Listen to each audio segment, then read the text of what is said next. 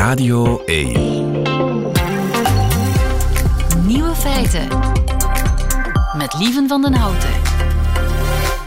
Dag en welkom bij de podcast van Nieuwe Feiten van woensdag 13 september 2023. In het nieuws vandaag de consternatie in Zuid-Korea, omdat blijkt dat Louis Vuitton-tassen op meer dan één manier stinkduur zijn.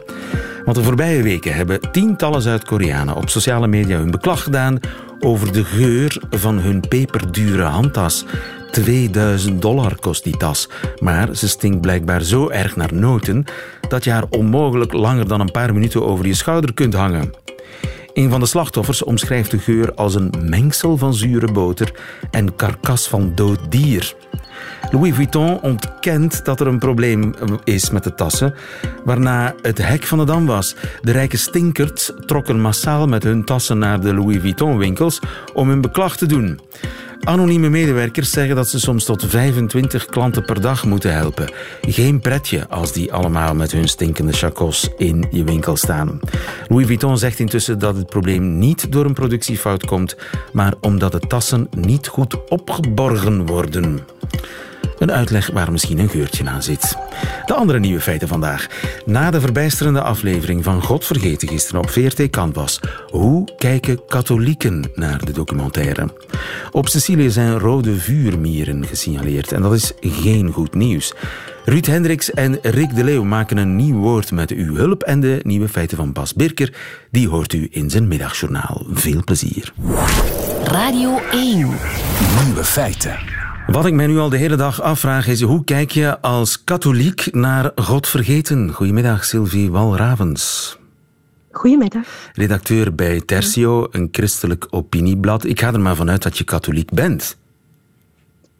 Um, ik noem mij in de eerste plaats christen, zal ik het zo zeggen. Ik ben katholiek omdat ik katholiek opgevoed ben, maar ik, mijn grootste affiniteit uh, ligt in het christendom. Je bent redacteur bij Tertio. Tertio wordt toch beschouwd mm. als, uh, in het algemeen als, als een, ja, een, een blad voor en door katholieken. Maar dat, uh, je, je, ja, maar je bent een beetje bang van de term. Nee, nee, ik ben niet bang van de term. Ik wil het gewoon duidelijk maken. Wij zijn een christelijk opiniebleekblad. Zo staat het ook in onze, in onze heading. En ja, wij zijn geen communicatieblad van de kerk. Wij zijn niet de woordvoerder van de kerk. Wij zijn een christelijk blad. Dat wil zeggen dat wij de christelijke waarden als leidraad nemen. En dat vind ik toch wel, vooral in deze tijden, belangrijk om dat onderscheid te maken. Juist ja, want gisteren op VRT Canvas aflevering 2 van God Vergeten over seksueel misbruik in de kerk. Ja. Het moet gezegd, het was alweer ijzingwekkende televisie over machtige geestelijken die zich vergrijpen aan ja, de allerzwaksten en daarmee wegkomen, niet zelden gesteund door de kerk. Ja. Ja, voor het eerst kwam ook Mark van Geluwe in beeld, uh, getuige over het misbruik door zijn oom, de bisschop van Brugge. Uh, Voor het eerst konden we ook met eigen oren luisteren naar de beruchte geluidsopname die hij gemaakt heeft van een gesprek met kardinaal Daneels waarbij die kardinaal hem aanzet om de zaak te laten rusten. Want ja, de mhm. bisschop gaat volgend jaar toch ontslag nemen. Ik als hij had volgend jaar zijn ontslag genemen. Ja. Ik zou beter zijn dan gewacht tot dat man Nee, nee, nee. Als hij dat niet doet, bijvoorbeeld, dan gaat er gespeculeerd worden. Het is wel vernederend. Nee, maar voor mij was het ook hoor. Van mijn 5 tot aan mijn 18 jaar kreeg ik de inbeelden. Dus vergeefnisvragen zijn genoeg. Dus vergeefnisvragen is niet genoeg. Uh, antwoord Daniels op de opmerking van Mark van Geerwe. Van mij was het ook vernederend van mijn vijftiende tot mijn achttiende jaar. Ja, we wisten eigenlijk alles al. We hadden die, de, de transcripties al gelezen in de krant. Eh, we hadden alle berichten ook gelezen in de krant. Maar voor het eerst wordt de werkelijke omvang duidelijk hè, van dat, dat mhm. misbruik door geestelijke. Hoe kijk jij daarnaar als christen? Wel, ik heb naar dat programma, naar de reeks gekeken. Uh, ik zou zeggen, zelfs niet in de eerste plaats als christen, maar als mens. En ik denk dat elke normale christen uh, met afschuw heeft gekeken. Gewoon. Ik vond het walgelijk en ik heb dat ook geschreven. Ik vind het huiveringwekkend. Ik heb zelfs gezegd des duivels, om dan maar een, uh, een, een woord te gebruiken uit het, het, het, religieuze jargon. Ik, ja, walgelijk. Daar, daar valt niks aan toe te voegen. Ik kijk als mens, ik kijk als moeder van vier zonen. En ja, ik kijk ook als christen en dat blijft allemaal hetzelfde. Het is vreselijk. Wat vond je van Daneels? Ja, dat, dat, is, dat is ook nieuw natuurlijk. Die dingen hebben we gezien, gehoord al. En het is, uh, het is abominabele communicatie, vind ik. Het is, allee, dit is zelfs geen communicatie, dit is gewoon een, een, een intern gesprek. Voor, maar dat is... Uh, ja. Ja, dat is lafheid. Dat is lafheid, ik kan het niet anders noemen. Ja. Het belang van de kerk laten primeren boven alles, terwijl je oog in oog zit met iemand die van zijn vijfde tot zijn achttiende ja.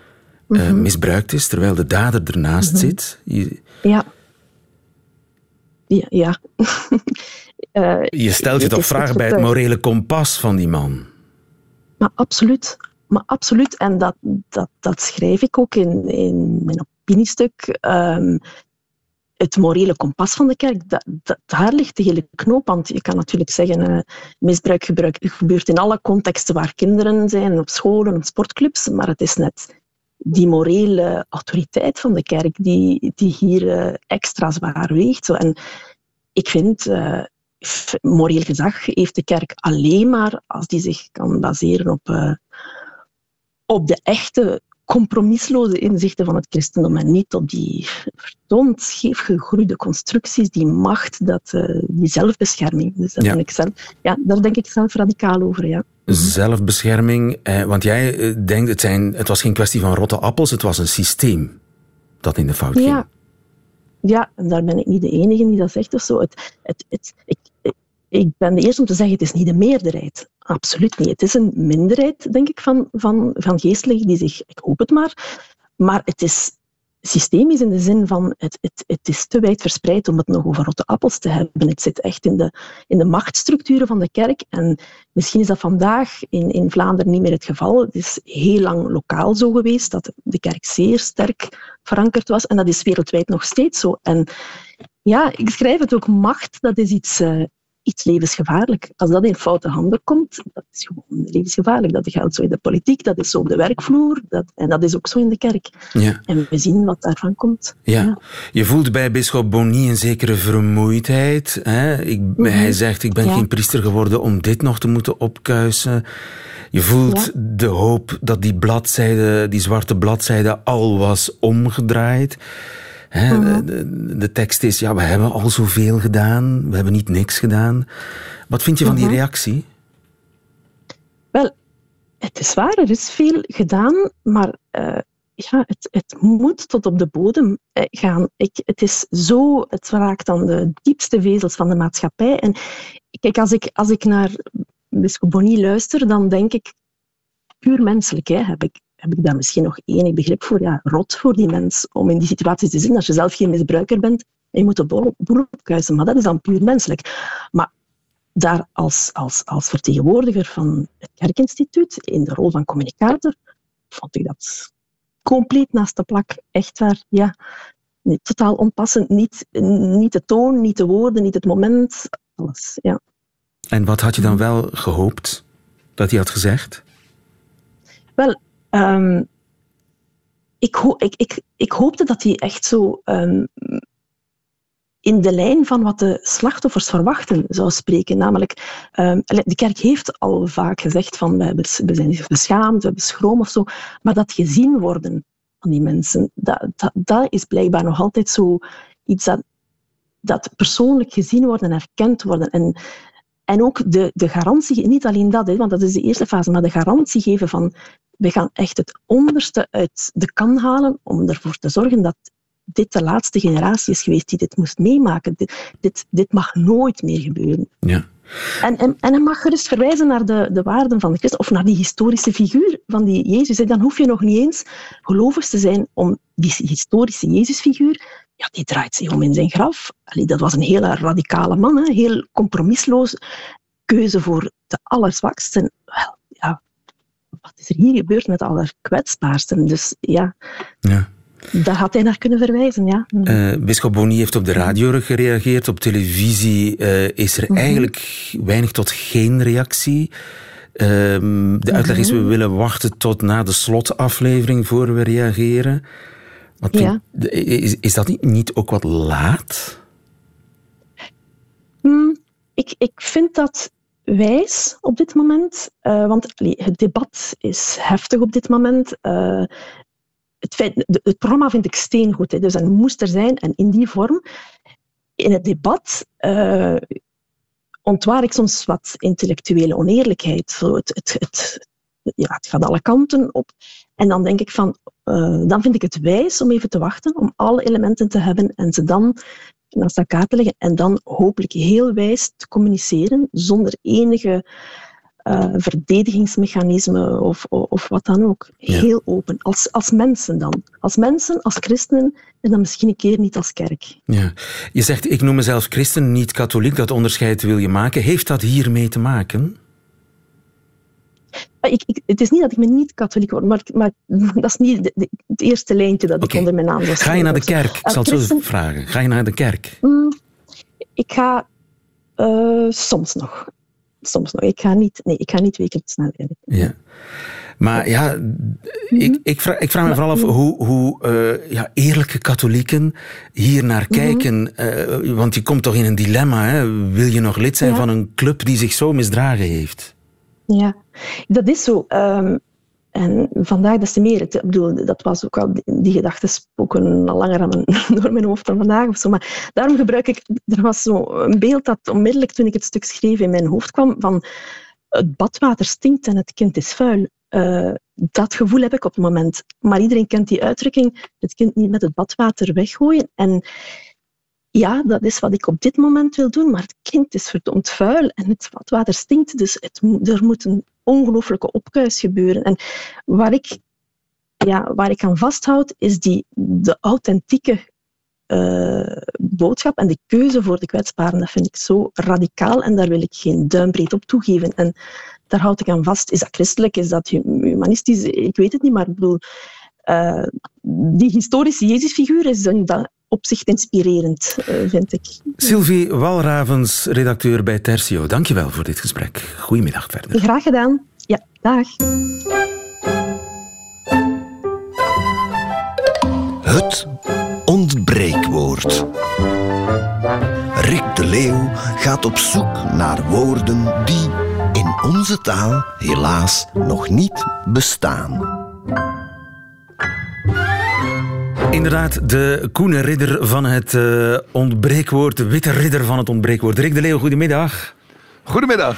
We gaan weer een eh, woord maken hè, vandaag. Zo gaat dat op eh, woensdag in Nieuwe Feiten. Het ontbreekwoord is intussen al een indrukwekkende lijst geworden van allerlei ontbreekwoorden die wij ja, gemaakt hebben op woensdagmiddag met dank aan de Radio 1 luisteraar. Goedemiddag ook Rick, Ruud Hendricks. Eh, goedemiddag, heren. De Rolls Royce eigenlijk van het ontbreekwoord, hè? twee R'en. Rick en Ruud, hoofdredacteur van Vandalen. Ruud Hendricks, jij hakt elke week de knoop door. De lijst is indrukwekkend, ik zei het al. Huidsig is zo'n prachtig woord. Eh, wat betekent huidsig ook alweer? Eh, precies de Dat goede een- temperatuur hebben, hè? Ja, juist. Niet te warm of niet te koud. Niet te warm, niet te koud. Ja. In plaats van lauw, wat een beetje negatief woord is, zeggen we huidsig. Oh, het is lekker huidsig. Prachtig woord. Nu, Een dag als vandaag. Op een dag. Huidsig. Huidsig, eh, inderdaad. Vandaag hebben we een huidsige dag. Goed, eh, Rick, we hebben vorige woensdag de luisteraar van Radio 1 een opdracht gegeven. Wat zochten we? We zochten een woord voor die producten die op vakantie zo heerlijk smaken, maar thuis al snel hun charme kwijt blijken te zijn. De riet, die lokale liqueur, die zelfgemaakte confituur van die vriendelijke campingbaas. Onze kelders en voorraadkasten staan er vol mee. Ja, in Engeland Daar is, een is een bepaalde stroop. Hoe heet die stroop ook alweer die zo naar schoensmeer smaakt? In Engeland zijn ze daar dol op. Marmiet. Marmite, ja, Marmite. Inderdaad, maar thuis. boh. Zo gaat het, precies, hè? precies, precies. Sommige En we zijn, het, we zijn het nieuwe seizoen. We zijn het nieuwe seizoen voortvarend begonnen met honderden, werkelijk honderden inzendingen. Waarvoor zeer veel dank, luisteraar. En de souvenirs vlo- vlogen ons om de oren in alle vormen en maten. Een kleine greep als het mag. Ja.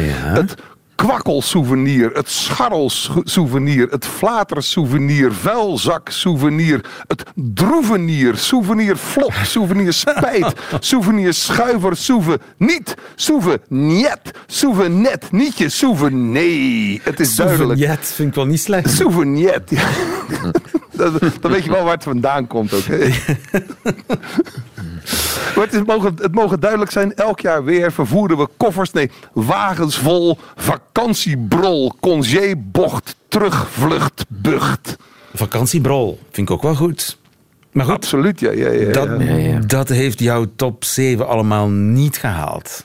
Nee. En zal ik de top 7 eens eh, voorleggen aan de deskundige jury? Met graagte.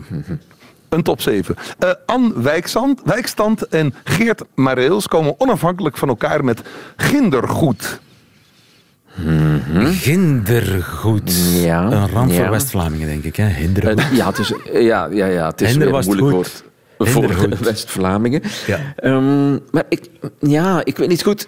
Moet ik dat woord lezen als een bijvoeglijk naamwoord of als een zelfstandig naamwoord? Hè? Dus het was gindergoed of is het een zoiets van een gindergoed? Ja, het is zoals ondergoed, hè? Ondergoed, maar gindergoed. Ah, gindergoed. En wat is dan het meervoud daarvan? Dat bestaat niet. Ik heb een paar Kindergoederen. kindergoederen gekocht. Ja, ik heb een paar kindergoederen, kindergoederen gekocht. En, en die heb ik vooral in de vuilnisbak gekieperd. Ja.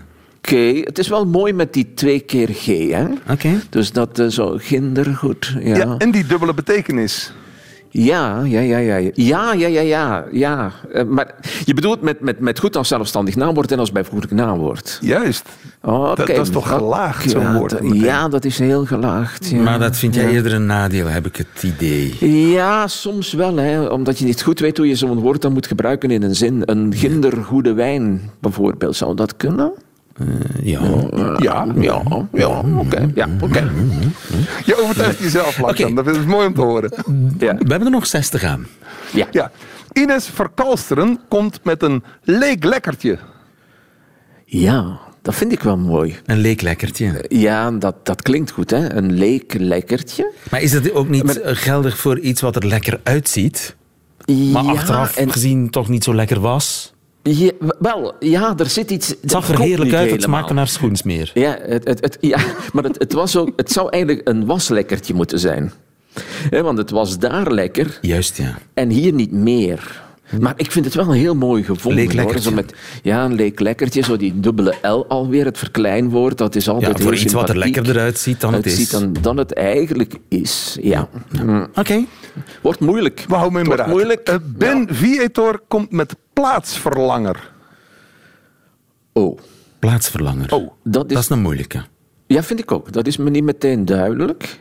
Ehm, dus ik zou denken van, nee, die hou ik even opzij. Ja. Oké. Ja, ja. Het, het, het, het, het geeft misschien juist wel weer een, een soort heimwee aan het woord. Dat je weet dat het Oh. ginder wel lekker is. Dat je misschien Oh, terug naar de verlangt plek naar moet die waar je vandaan plaats. komt. Je, verlangt verhaal naar te die plaats. Doordat je dat ding dat je nu niet meer lekker vindt... Ja, het is maar een plaatsverlanger. Ja, oké. Ginder ja. vond ik hem Oké. lekker. We gaan Ja. door met de volgende. Eh, Connie Ja. Venings komt met het Haggis-effect. Zeer herkenbaar. het Haggis-effect. Maar, Ja. maar het Haggis-effect... Kijk, ik, ik heb het nog nooit geproefd, voor alle duidelijkheid. Hè? Dus Maar ik je weet wat het is. Haggis Ja, is ik weet een- wat het een is. Schotse Eh, gevulde maag, hè? Ja, Schots gevulde maag waar ze orgaanvlees in kieperen blijkbaar. Een hoop kruiden, een hoop vet en dat laten ze dan uren koken. Dus het Haggis-effect zou voor mij zijn van... Het kan echt alleen nog maar erger zijn dan ik het me al voorstel. Eh, dus, dus, dus ik, weet niet, ik weet niet of er mensen zijn die, behalve Schotten dan, of die haggis echt wel lekker vinden. Ja, jij beantwoordt Dus- de mails hè, van de Schotse ambassade en zo, en van de, Eh, de ja, liefhebbers van ja. de, van hebben de die een kilt. eigen ambassade? Wel, ja. Nee, ja, we doen wel. Ja. Goed. eh, Maar het zet me een beetje op het verkeerde ja, been, dus dat Haggis-effect. Ja. Next. Ja, ik vond hem mooi genoeg om te noemen. Eh Zoe tuurlijk. Willemijns komt met ter plekkernij. Een terplekkernij. Dat vind ik niet slecht. Ja, ik weet dat jij van dat soort woorden houdt, lieve. Maar je weet dat ik er absoluut niet zo'n grote fan van ben. Van Het is een die, eh, van- ja, die woordspelerigheid. Dus dat is. eh, maar ik moet zeggen, het, het, het bekt wel goed. eh, in dit geval. En ter plekkernij. eh, maar Het tegelijkertijd. is alleen ter er- plekke een lekkernij. Het is een ter Nee, plekkernij. Ja, klopt. Ja, het is heel goed gevonden. Eh, alleen, het doet me zo ook een beetje aan plakkerig denken. Zo. Van een ter plakkerig. ter- Plak, plek. Ja, ja, ter plekkernij. Ja. Ter plekkernij. Ja, ja, ginder, het was zo mierenzoet lekker, ginder, maar... Oké. En toch zou je ik- je kunnen voorstellen dat ik- een ter plekkernij een coat en woord is. Ja, ik ook. Ja, dat wel. Dat klopt. Het dat, is bekt toch- dat goed. klopt. En, Ruud, en weet, plekkernij. als, een- als Coat en Bie het verzinnen, vinden we het meestal goed, hè? Precies. Dus eh, vanaf nu is het de coat en bie en Willemijns. Ja, ja, ja. Oké, we hebben er nog twee te Bernadette gaan. Martens. Bernadette Martens komt met een heug en meugje. Ah, jij spreekt dat zo uit. Een heug en meugje. Ik had Of een heug en meugje. heugenmeugje. Ja, heug en meugje. Een heug en meugje. Tegen heug en meug iets doen. Een heug en Ja, iets tegen heug en meug iets doen. Ja, dat zit er ook wel in. Nu, ik zat, ik zat op een ander spoor. Ik dacht zo van je, Ah. het heugen. Hè, zo van, dat is iets van, eh, wat je wel fijn vond. En meugen, dat is iets, daar zit... mm, Hè, wat het, gaat, het, het was zijn meug. Hij vond het lekker. Maar Mhm. het is me echt niet duidelijk Ik genoeg. ook niet. Ik vind Nee, het verwarrend. Het, het, Ja, ik het is een beetje uit- verwarrend. Het, is, ik vind het echt mooi gevonden. En eh, vooral ook, het, het klinkt bijzonder goed met die twee keer eu. Maar maar, ja, ja, ik denk dat we betere kandidaten hebben. Oké. Waar is de poëzie gebleven? We gaan door naar de laatste. Ron I Jansson know, Rick, komt met een... know, Rick. We doen niet aan poëzie, hè? We doen Nee, aan iets programma. Vergeet dat altijd. Ja, ja, Ron ja. Jansson komt met een daarlicatesse. Ja, de delicatessen van daarginder. Hè. ter plekkernij, maar dan De- de- met de- ter plekkernij, delicatessen, maar ja. dan op zijn Frans. Eh, ja, ja, je weet wat ik denk van die portmanteau-woorden, hè, van die Ja, samentrekkingen. Dus eh, ja, oh, ja. Ja, ja, ja. Maar, Koude maar- vloer valt het, hè? Het valt op ja, koude vloer, ja, het woord. Ja, ja, ja. Dus, we hebben er zeven gehad. Ja, Eh, er ligt een knoop op tafel en die moet jij doorhakken, Ruud.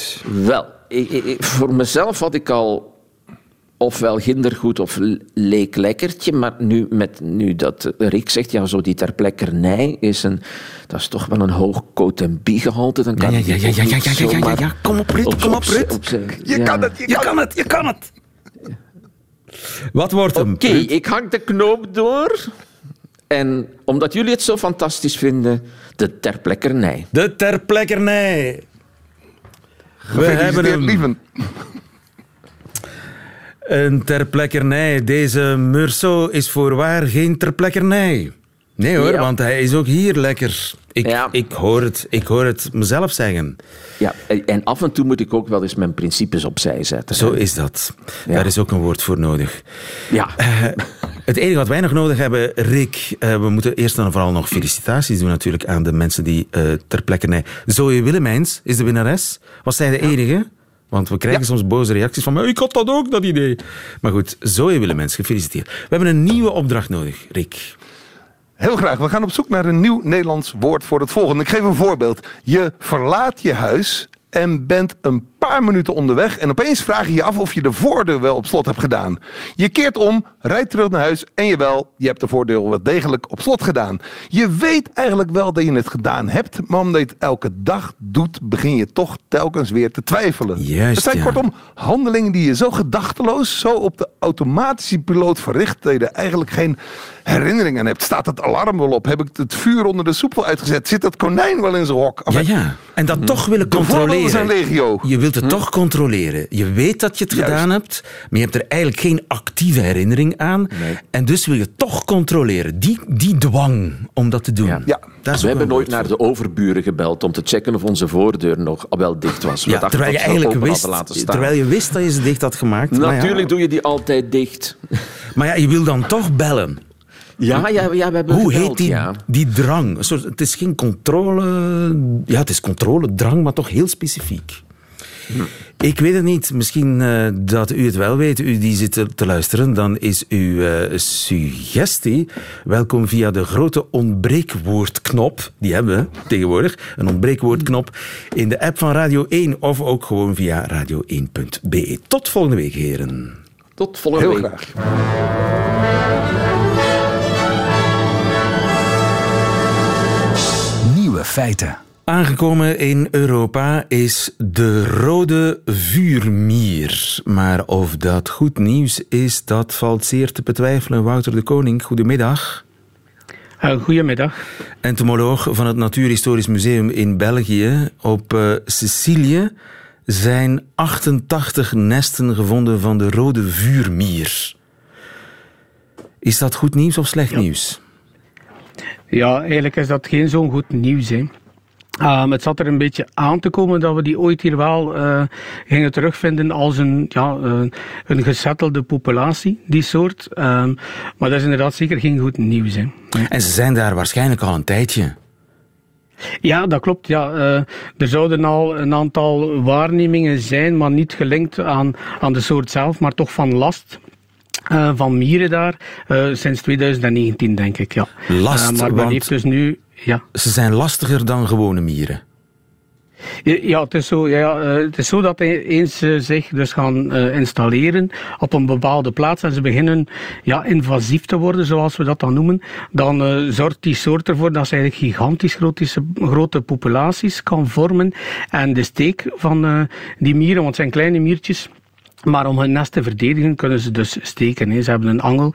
Uh, ja, die zijn zeer vervelend. Uh, uh, het probleem is ook dat ze vaak dan, als ze zich bedreigd voelen ter hoogte van hun nest, dat ze massaal gaan aanvallen. En je dus heel snel heel veel mierensteken kunt krijgen. En dat heel veel mensen, of toch een groot aantal mensen, daar ook heel zwaar allergisch op gaan reageren. Hè. En dat kan zelfs gevaarlijk zijn, echt gevaarlijk. Ja, absoluut. Ja. Dus in de Verenigde Staten is die soort ook geïntroduceerd geweest reeds lang terug hoor, want eigenlijk is uh, van origine afkomstig van Midden-Amerika, Argentinië, die regio zo. Uh, en daar is al sneller natuurlijk opgedoken in de, de Verenigde Staten. Uh, maar daar zorgt ze dus jaarlijks, uh, ze is er ondertussen al meer dan 100 jaar zeer verspreid in bepaalde regio's. En zorgt ze jaarlijks voor toch wel een behoorlijk aantal doden. Doden? Dus dat zijn mensen die, ja, die effectief heel, heel hard allergisch reageren op die, die mierensteek. Ja. En ze kunnen gigantische kolonies vormen. Ja, absoluut ja. Dus normaal gezien is het zo dat een, een, een, ja, de mierensoorten die wij kennen hier bij ons, die vormen een nest met een koningin of enkele koninginnen en heel wat werksters. Hè, en die verdedigen een klein territorium. Uh, en als er dus van dezelfde soort in een bepaald gebied uh, dus eigenlijk meerdere kolonies of populaties voorkomen, dan gaan die elkaar mijden. Hè. Die hebben elk een eigen gebiedje waar dat ze hun voedsel zoeken. Nu, bij die invasieve soorten is het zo, die komen dus terecht in een nieuwe omgeving en dat gedrag gaat zich uh, wijzigen. Wat er eigenlijk gebeurt is dat die soorten eigenlijk uh, soortgenoten van een ander nest niet meer als een vijandig iets gaan herkennen en dat ze eigenlijk gaan samenwerken. En op die, die manier vormen ze gigantische superkolonies. En dat is typisch iets voor uh, invasieve mierensoorten, en zo, zoals deze soorten. Zo'n superkolonie kan zich bijvoorbeeld ja, in, in een veldje vestigen waar, waar ze eigenlijk alles bepalen. Ja, absoluut. Ja, ja. Dat gaat tot uh, gigantische oppervlaktes zelfs, die eigenlijk door één grote superkolonie, die bestaat dan uit gigantisch veel um, koninginnetjes, uh, kleine deelnestjes eigenlijk, die samen een grote kolonie vormen. Um, en ik geloof dat uh, concreto daar in Sicilië, want daar is die rode vuurmier nu dus eigenlijk officieel van gemeld, toch al ja, een 4,7 hectare grote populatie, aaneensluitende populatie heeft gevormd. En dat zorgt ervoor dat eigenlijk de inheemse mierensoorten en ook heel wat andere insecten en ongewervelden daar dus geen kans meer hebben, omdat die zodanig dominant gaan zijn. Alles van voedsel eigenlijk, doordat ze met zoveel zijn, heel snel gaan consumeren. Ook hun uh, gebied waar dat ze, uh, en de plaatsen waar ze voedsel gaan inzamelen, heel hard gaan verdedigen, waardoor dat eigenlijk de lokale fauna, de lokale insecten eigenlijk geen kans meer maken. Maar vier hectare, dat is een dorp. Dat, dat is gigantisch groot, ja, dat klopt. Ja, ja, ja. Uh, dat, dat bestaat eigenlijk uit een groot aantal, ja, uh, gigantisch veel kleine deelnestjes die eigenlijk op een of andere manier toch samenwerken. Hè. Ja. Dus dat is eigenlijk... Uh, en die invasieve soorten, zo zijn er nog een aantal mierensoorten. die hetzelfde gedrag vertonen, ja, dat is heel typisch dat die dus gigantische kolonies vormen. Hè. Ja, en dat is dus uh, slecht nieuws voor uh, de mens, voor, je, voor, jij, voor jou en ik, voor insecten, maar neem ik aan ook voor specifiek de landbouwers. Ja, ja, absoluut. Hè. Want uh, doordat ze daar in die grote uh, hoeveelheden voorkomen, hey, gaan ze ook uh, bepaalde bladluizen echt als, als vee houden en onderhouden. En gaan ze dus eigenlijk ja, ook in, in bepaalde teelten voor grote problemen zorgen. Ehm, ja, ook ze houden bladluizen als vee, hoezo? Ja, ja, er zijn dus heel wat mierensoorten die en uh, een, een, bepaalde samenwerking hebben met bladluizen, allerlei, allerlei soorten. Hè. Wat er gebeurt is eigenlijk, die bladluis die, die zuigt sap uit de planten eigenlijk, waar ze op eh, voorkomt. En daar zit een teveel aan, aan uh, materiaal in dat die bladluis niet nodig heeft. En dat wordt afgescheiden in de vorm van honingdauw noemen we dat. En uh, dat is een goedje dat eigenlijk nog heel veel suikers bevat, want die bladluizen hebben die suikers niet in zo'n grote hoeveelheid nodig. Maar dat is nu net waar die mieren verzot op zijn. En ah, wat er is gebeurd, die gaan eigenlijk die, die bladluizen als een soort ja, vee eigenlijk gaan verzorgen. Ze gaan ze verdedigen tegen de vijanden van die bladluizen. Um, ze gaan ze ook verplaatsen naar betere takjes, twijgjes of wat dan ook van de plant waarop ze zitten. En dus ja, op die manier dus wel voor problemen zorgen. Uh, ja. Uh, ja, uh, komen ze. Sicilië is natuurlijk, uh, ja, dat is Europa, dat is natuurlijk de rand van Europa. Ja. Hoe groot is de kans dat die rode vuurmier ook naar hier komt? Het is zo dat er al, um, ja, er is het feit, die, die, die rode vuurmier wordt verspreid door ja, transport van allerlei goederen, materialen, uh, voeding, planten en dergelijke dingen. Dus ja, de laatste decennia is er ook veel meer uh, uitwisseling van allerlei goederen, transport van allerlei goederen wereldwijd. En dat is ook waarschijnlijk de manier waarop dat die soort daar in Sicilië is terechtgekomen. Dus het is wel reëel dat er uh, geregeld stukjes van het nest kleine deelkolonies of één koningin met een aantal werksters op een of andere manier in een ander gebied terechtkomen, eh, dankzij de mens. Vaak doen wij dat onbewust, wij weten dat niet. Uh, ze zijn ook in staat om op eigen manier, uh, via bruidsvluchten, zoals dat bij de bij uh, het geval ah, ja. is, zich te gaan verspreiden. Ja, ja. Um, en men heeft eigenlijk binnen een studie, een, aantal mensen die de populatie daar in Sicilië bestudeerd hebben, men heeft een aantal modellen opgesteld waarbij men heel wat factoren um, in het model gestoken heeft, zoals ja, klimatologische omstandigheden elders in Europa, mogelijkheid met rekening houden met temperatuur en, en windverplaatsing en dergelijke dingen. En men heeft uh, gekeken waar eigenlijk de, de kans groot is dat ja, op ja, verloop van tijd die, die soort, diezelfde soort eigenlijk nog elders in Europa zou kunnen terechtkomen. En bleek eigenlijk dat er een aantal regio's waren waar eigenlijk toch wel een behoorlijke kans was dat er misschien op termijn uh, ook wel vestiging van diezelfde soort is. Hè. Um, en zijn en wij een van die regio's? Uh, wel, volgens de studie zijn wij een van de, de, de, landen samen met Nederland waar er toch wel een, een, behoorlijke kans is dat die dingen terechtkomen. Als ook een aantal grote steden uh, rond het, in het Mediterraans gebied uiteraard ook. Um, maar dat heeft vooral te maken met het feit dat wij een zeer uh, verstedelijkte uh, omgeving hebben hier in, in, in België, Nederland. Dus heel veel transport, heel veel um, um, nieuwe goederen en zo die hier binnenkomen. Uh, als ook dat, dat eigenlijk, ja, die, die rode vuurmier, zeker in de invasieve vorm dan, die, die komt vooral voor in urbane gebieden, dus stedelijke omgeving. En daar hebben we natuurlijk ook wel heel veel van hier. Hè. Dus ja.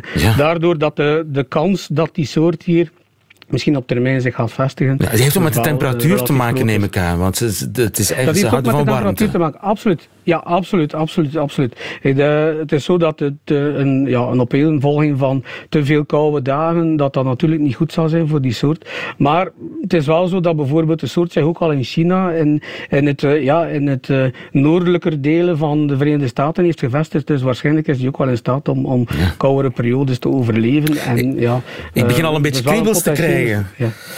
Ja, ik denk niet dat dat zo snel hoeft, hè, want uh, de kans is wel groot als ze ergens gedetecteerd wordt, zoals nu het geval is in Sicilië, dat we wel op een bepaald moment dat relatief snel zullen waarnemen. En wie weet wat dat we dan wel kunnen doen. Hè. Kunnen we het nog uh, stoppen? het is, ja, wel, het is zo dat eigenlijk de soort ook in Nieuw-Zeeland is terechtgekomen via transport van allerlei goederen. En daar uh, is men wel in staat geweest om de soort daar effectief weer weg te krijgen. Ah ja. Dus er zijn, dus er zijn middelen. Ja, ja. Ja, er zijn zeker middelen. Ja, ja. Maar goed, eh, die middelen zijn vaak nogal drastische middelen natuurlijk ook. Omdat ja, er worden allerlei insecticiden en zo gebruikt om, om de soort kwijt te geraken. En dat is natuurlijk ook niet goed voor de rest van de, de, ja, de, de omgeving en het milieu waarin die, die soorten vertoeven. Ja. Goed, voorlopig is het bang afwachten. De rode vuurmier is aangekomen in Europa, meer bepaald eh, in Sicilië. Wouter de Koning, entomoloog eh, van het Natuurhistorisch Museum in België. Dankjewel en nog een fijne dag. Ja, dankjewel. Ja, goedemiddag. Dag. Nieuwe feiten. En dat waren ze dan weer, de nieuwe feiten van 13 september 2023. Alleen nog die van Bas Birker. Die krijgt u nu in zijn middagjournaal. Nieuwe feiten. Middagjournaal.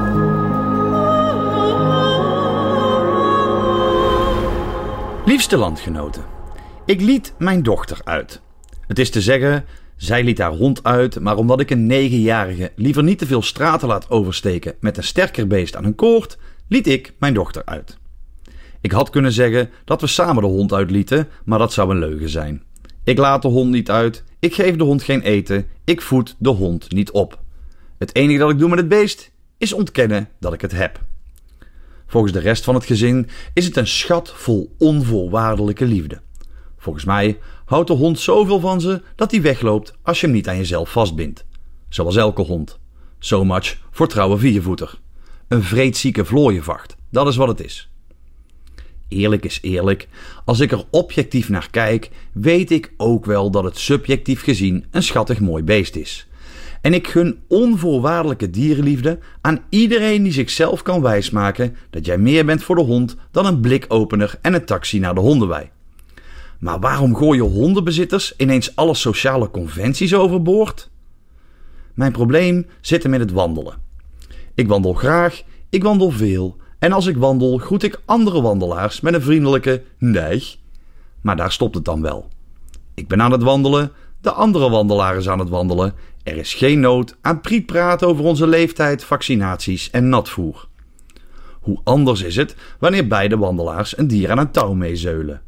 Dan verandert elk baasje in Roger van Geluwe op een internaat. Wat een flinke jongen ben jij, En zo nieuwsgierig. Ja, dat vind jij fijn niet. Mijn punt is, wees consequent. Als jij de hond behandelt als een mens, behandel mensen dan ook als een hond. Of je zwijgt tegen iedereen zoals je doet als je wandelt zonder beest, of je praat tegen iedereen zoals je doet tegen honden. Maar dat voelt een beetje raar, hè? Een vrouw met een peuter tegenkomen en zeggen: Ah, kijk eens wat een mooi mannetje. Wat is het voor ras? Aziatisch? Nee? Ah, het is een bastaard. Er zit wel wat Mongols in, denk ik, hè? Je ziet het wel een beetje, maar oh garm, zo'n kort snuitje. Krijgt hij wel genoeg lucht? Want anders is het zielig, hè? Dan moet je hem laten inslapen. Ja, zo'n fokverbod komt er niet voor niks. Maar dit is een brave. Als u mij nu wilt excuseren, ik moet mijn dochter uitlaten. Anders kwelt ze hier alles onder.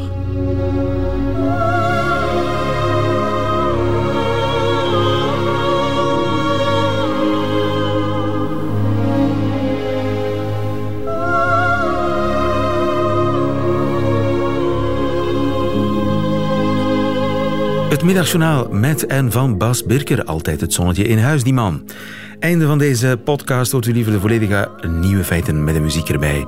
Dat kan natuurlijk live elke werkdag op Radio 1 of on demand via de Radio 1 app of website. Tot een volgende keer.